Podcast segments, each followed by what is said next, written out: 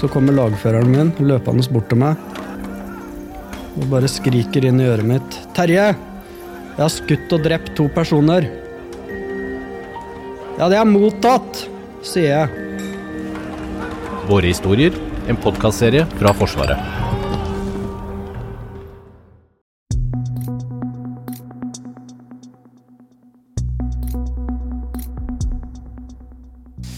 Krigen i um, Ukraina har gitt en um, enorm etterspørsel etter ammunisjon. I dag besøkte statsministeren og forsvarsministeren Nammo på Raufoss. Med seg hadde de en milliard som skal gi fart på våpenproduksjon. Våpenprodusentene klarer bare å produsere en brøkdel av den ammunisjonen og våpnene som Europa nå har behov for. Etter at det er donert store mengder våpen til Ukraina og sikkerhetssituasjonen i Europa er endra, så trenger Europa å fylle opp lagrene på ny. Men ifølge våpenprodusentene kan det ta lang tid. Du hører på Forsvarspodden. Jeg heter Jørgen Lyngvær.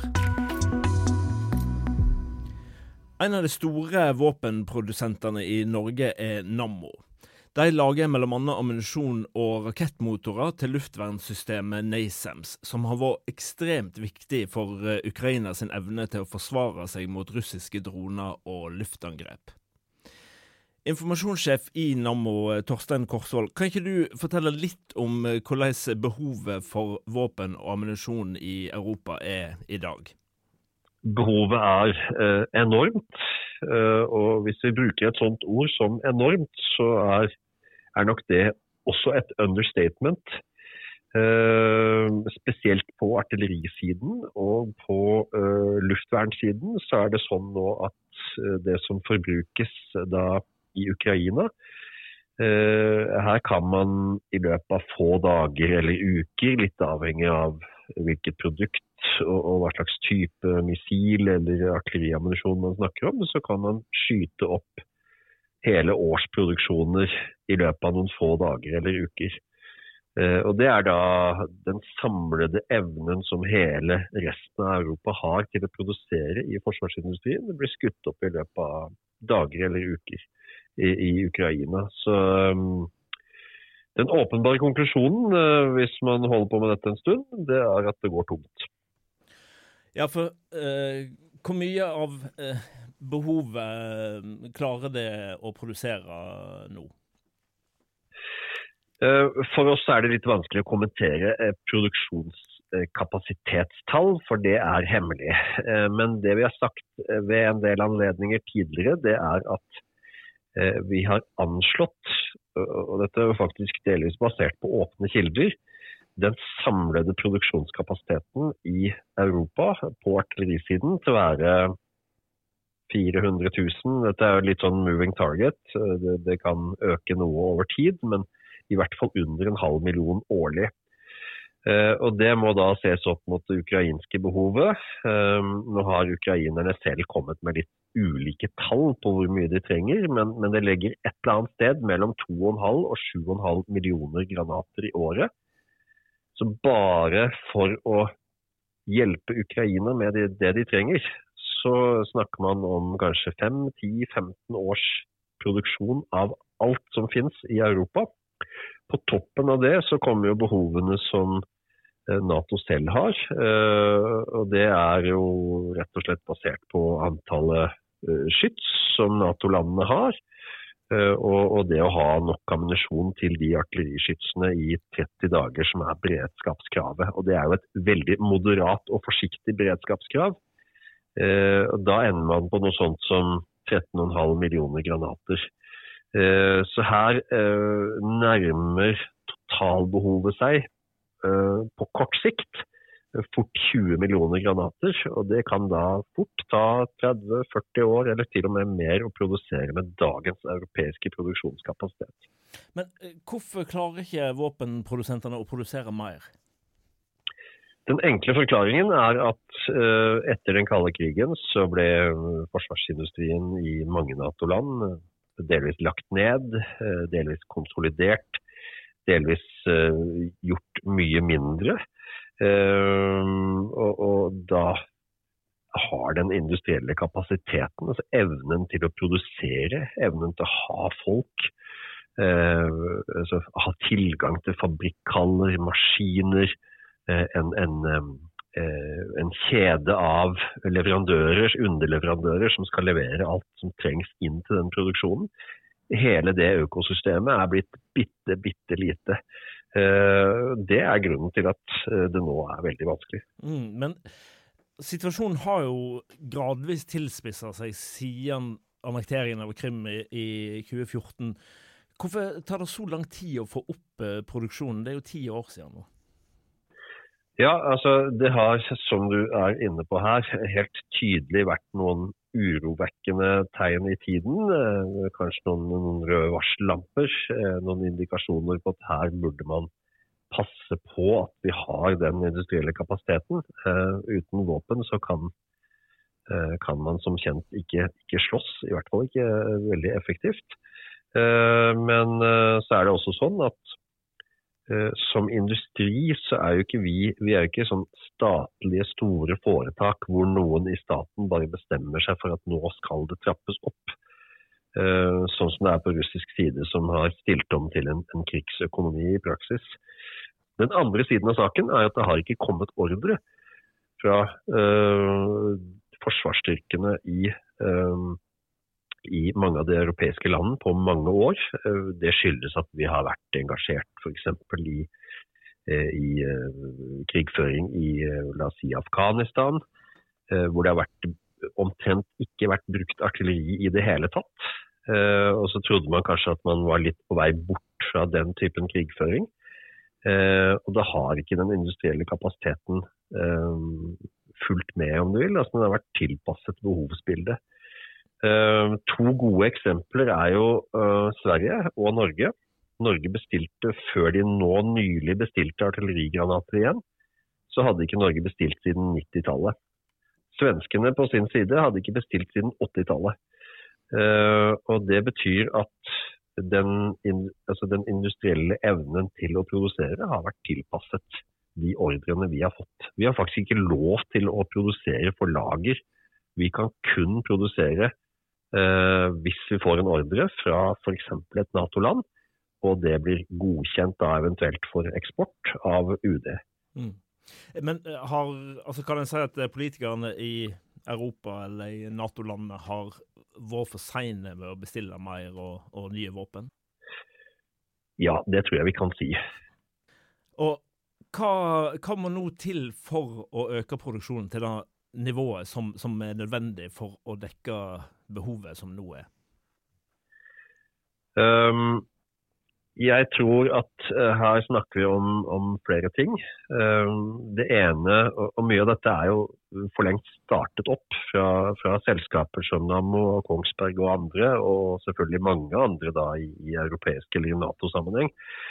Uh, det handler om å sette på flere skift, utnytte mas maskinparken vi allerede har maksimalt.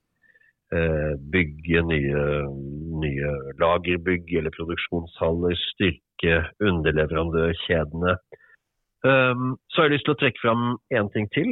Uh, vi har snakket mye om artilleri, det har vært ganske mye omtalt i, i samfunnsdebatten. Mange har vært veldig opptatt av det. Uh, Nammo er jo også en av ja, det kommer litt an på hvem du spør, men vi vil nok selv si at vi er en av de to store leverandørene av rakettmotorer i Europa.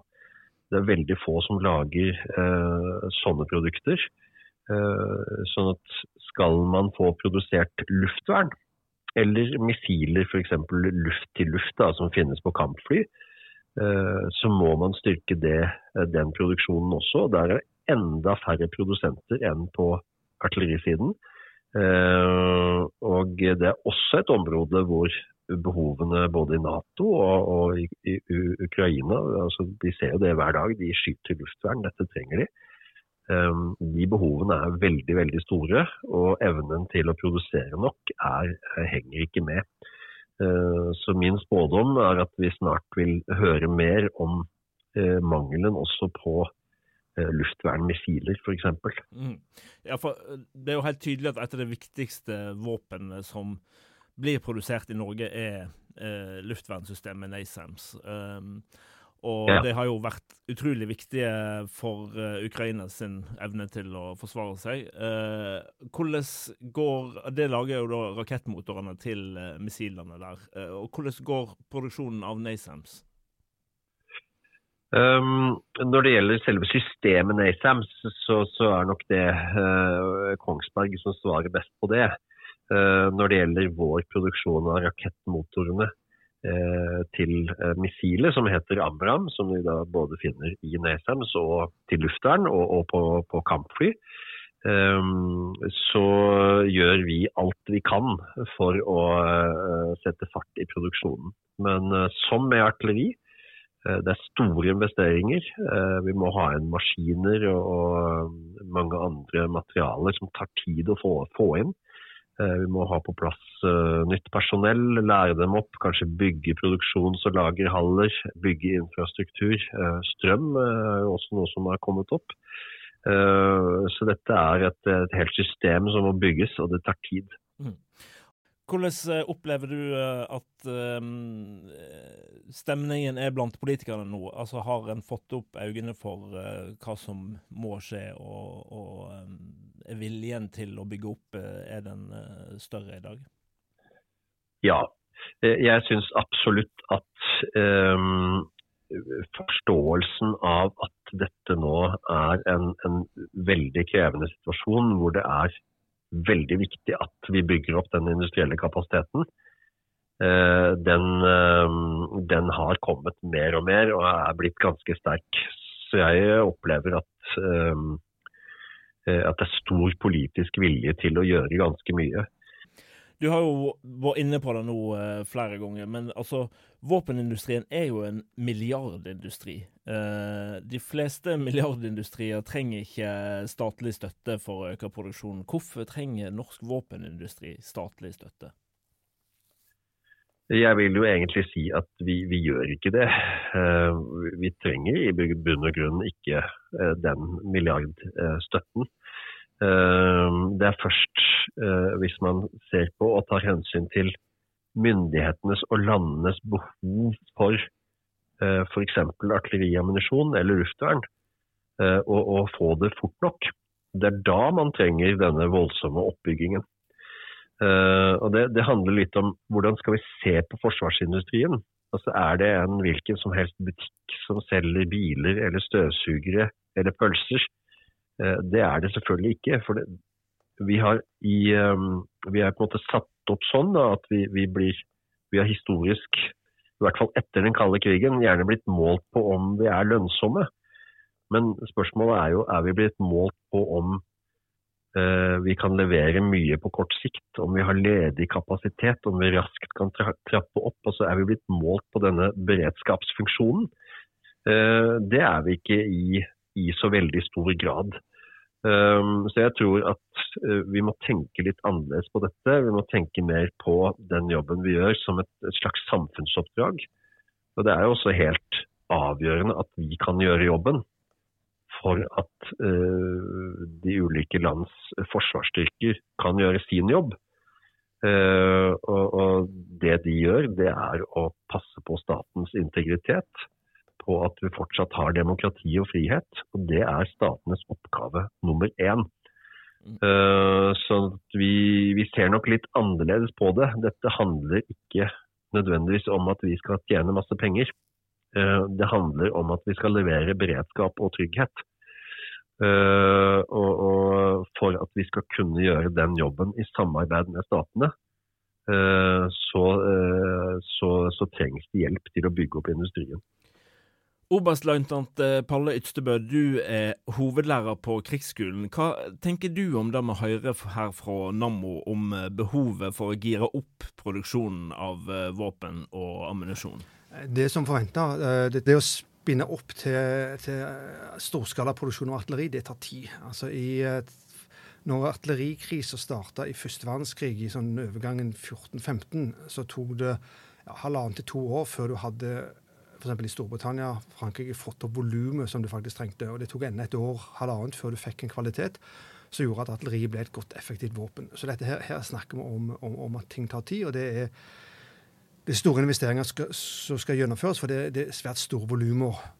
Kan det tenkes eh, at dette er en strategi Putin bruker, å prøve å få tappa Europa for, for våpen?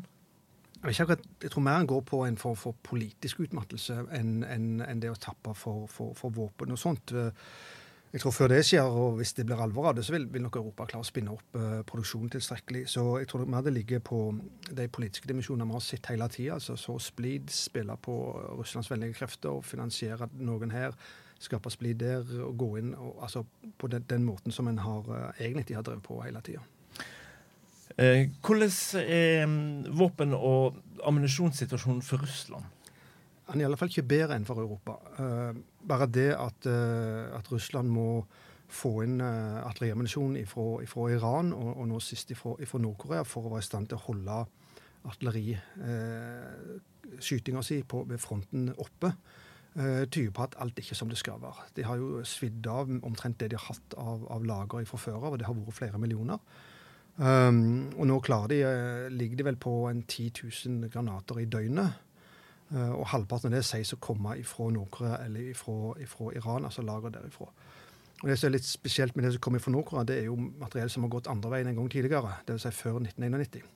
Uh, eh, og uh, da har det ligget lagra lenge. Um, og det er en grad av usikkerhet her. Det er en del meldinger, uh, ikke så voldsomt mye, men noen på, på, sosiale medier på russisk side, altså av løpssprengning pga.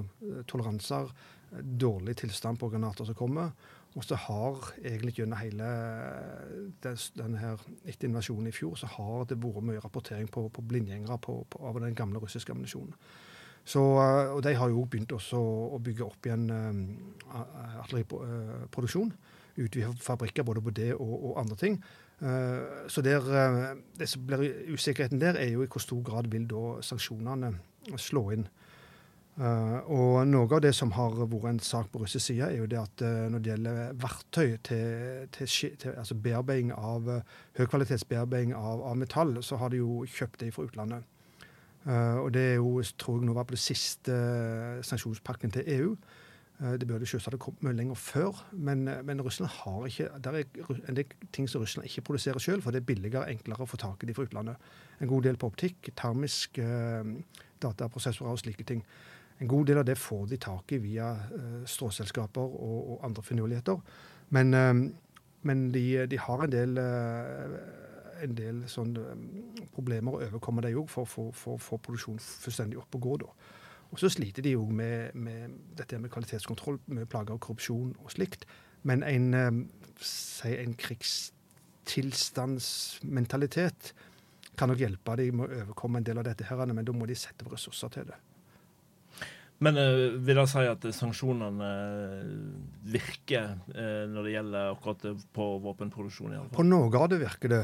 men der har Russland vært veldig gode og kreative til å finne omveier, som de òg var når Sovjetunionen startet opp på 20- og 30-tallet, på å skaffe seg tilgang til vestlig teknologi som de i utgangspunktet ikke hadde tilgang til.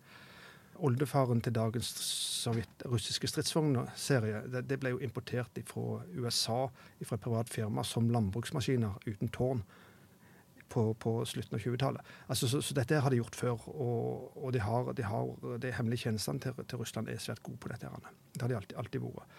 Så, eh, og det er, der er litt mange gap som, som, oppstår, som en ikke er raske nok til å tette i, i det sanksjonsregimet. Vil det ta like lang tid for Russland å få fylt opp lagrene som for eh, Europa, tenker du? Det kommer mest an på Europa. Jeg tror Russland gjør det så godt de kan. Eh, de, kan, de har nok prioritere det. Uh, men der er jo uh, altså vestlig økonomi, vestlige samfunn, har en helt annen omstillingsevne hvis det, hvis det virkelig gjelder. Så jeg tror det som er, saken både for Europa, men uh, i større grad enn USA, da, det er jo at det er faktisk å få en kriseerkjennelse og, og, og, og skuffe på køl her. Hva vil det få å si for Ukraina at, at det er mindre våpen i Europa nå enn, enn det var for snart to år siden? Altså Hvis det ikke blir gjort, altså hvis det går utover leveransen av eh, ja, luftlandmissiler og, eh, og artilleriammunisjon og en del eh, si panservern og, og an, andre midler, så, så, kan det gå utover Ukrainas evne, i alle fall til offensive operasjoner. Men den det, det offensive kapasiteten vil, vil, vil svekke, Så de antagelig vil måtte innfinne seg med mye mer, mer statisk enn hva de vil ønske. Um, og det kan òg gi Russland mulighet til å, å, plugge det hullet som ser ut til å oppstå i, i sør, da, uh, sør for Dniproelva med Kherson der. Du har hørt på Forsvarspodden. I denne episoden har du hørt klipp fra NRK. De som lager Forsvarspodden, er Lars Hallingstorp, Hege Svanes, Ragnhild Fjellro, Håvard Strand og meg, Jørgen Lyngvær.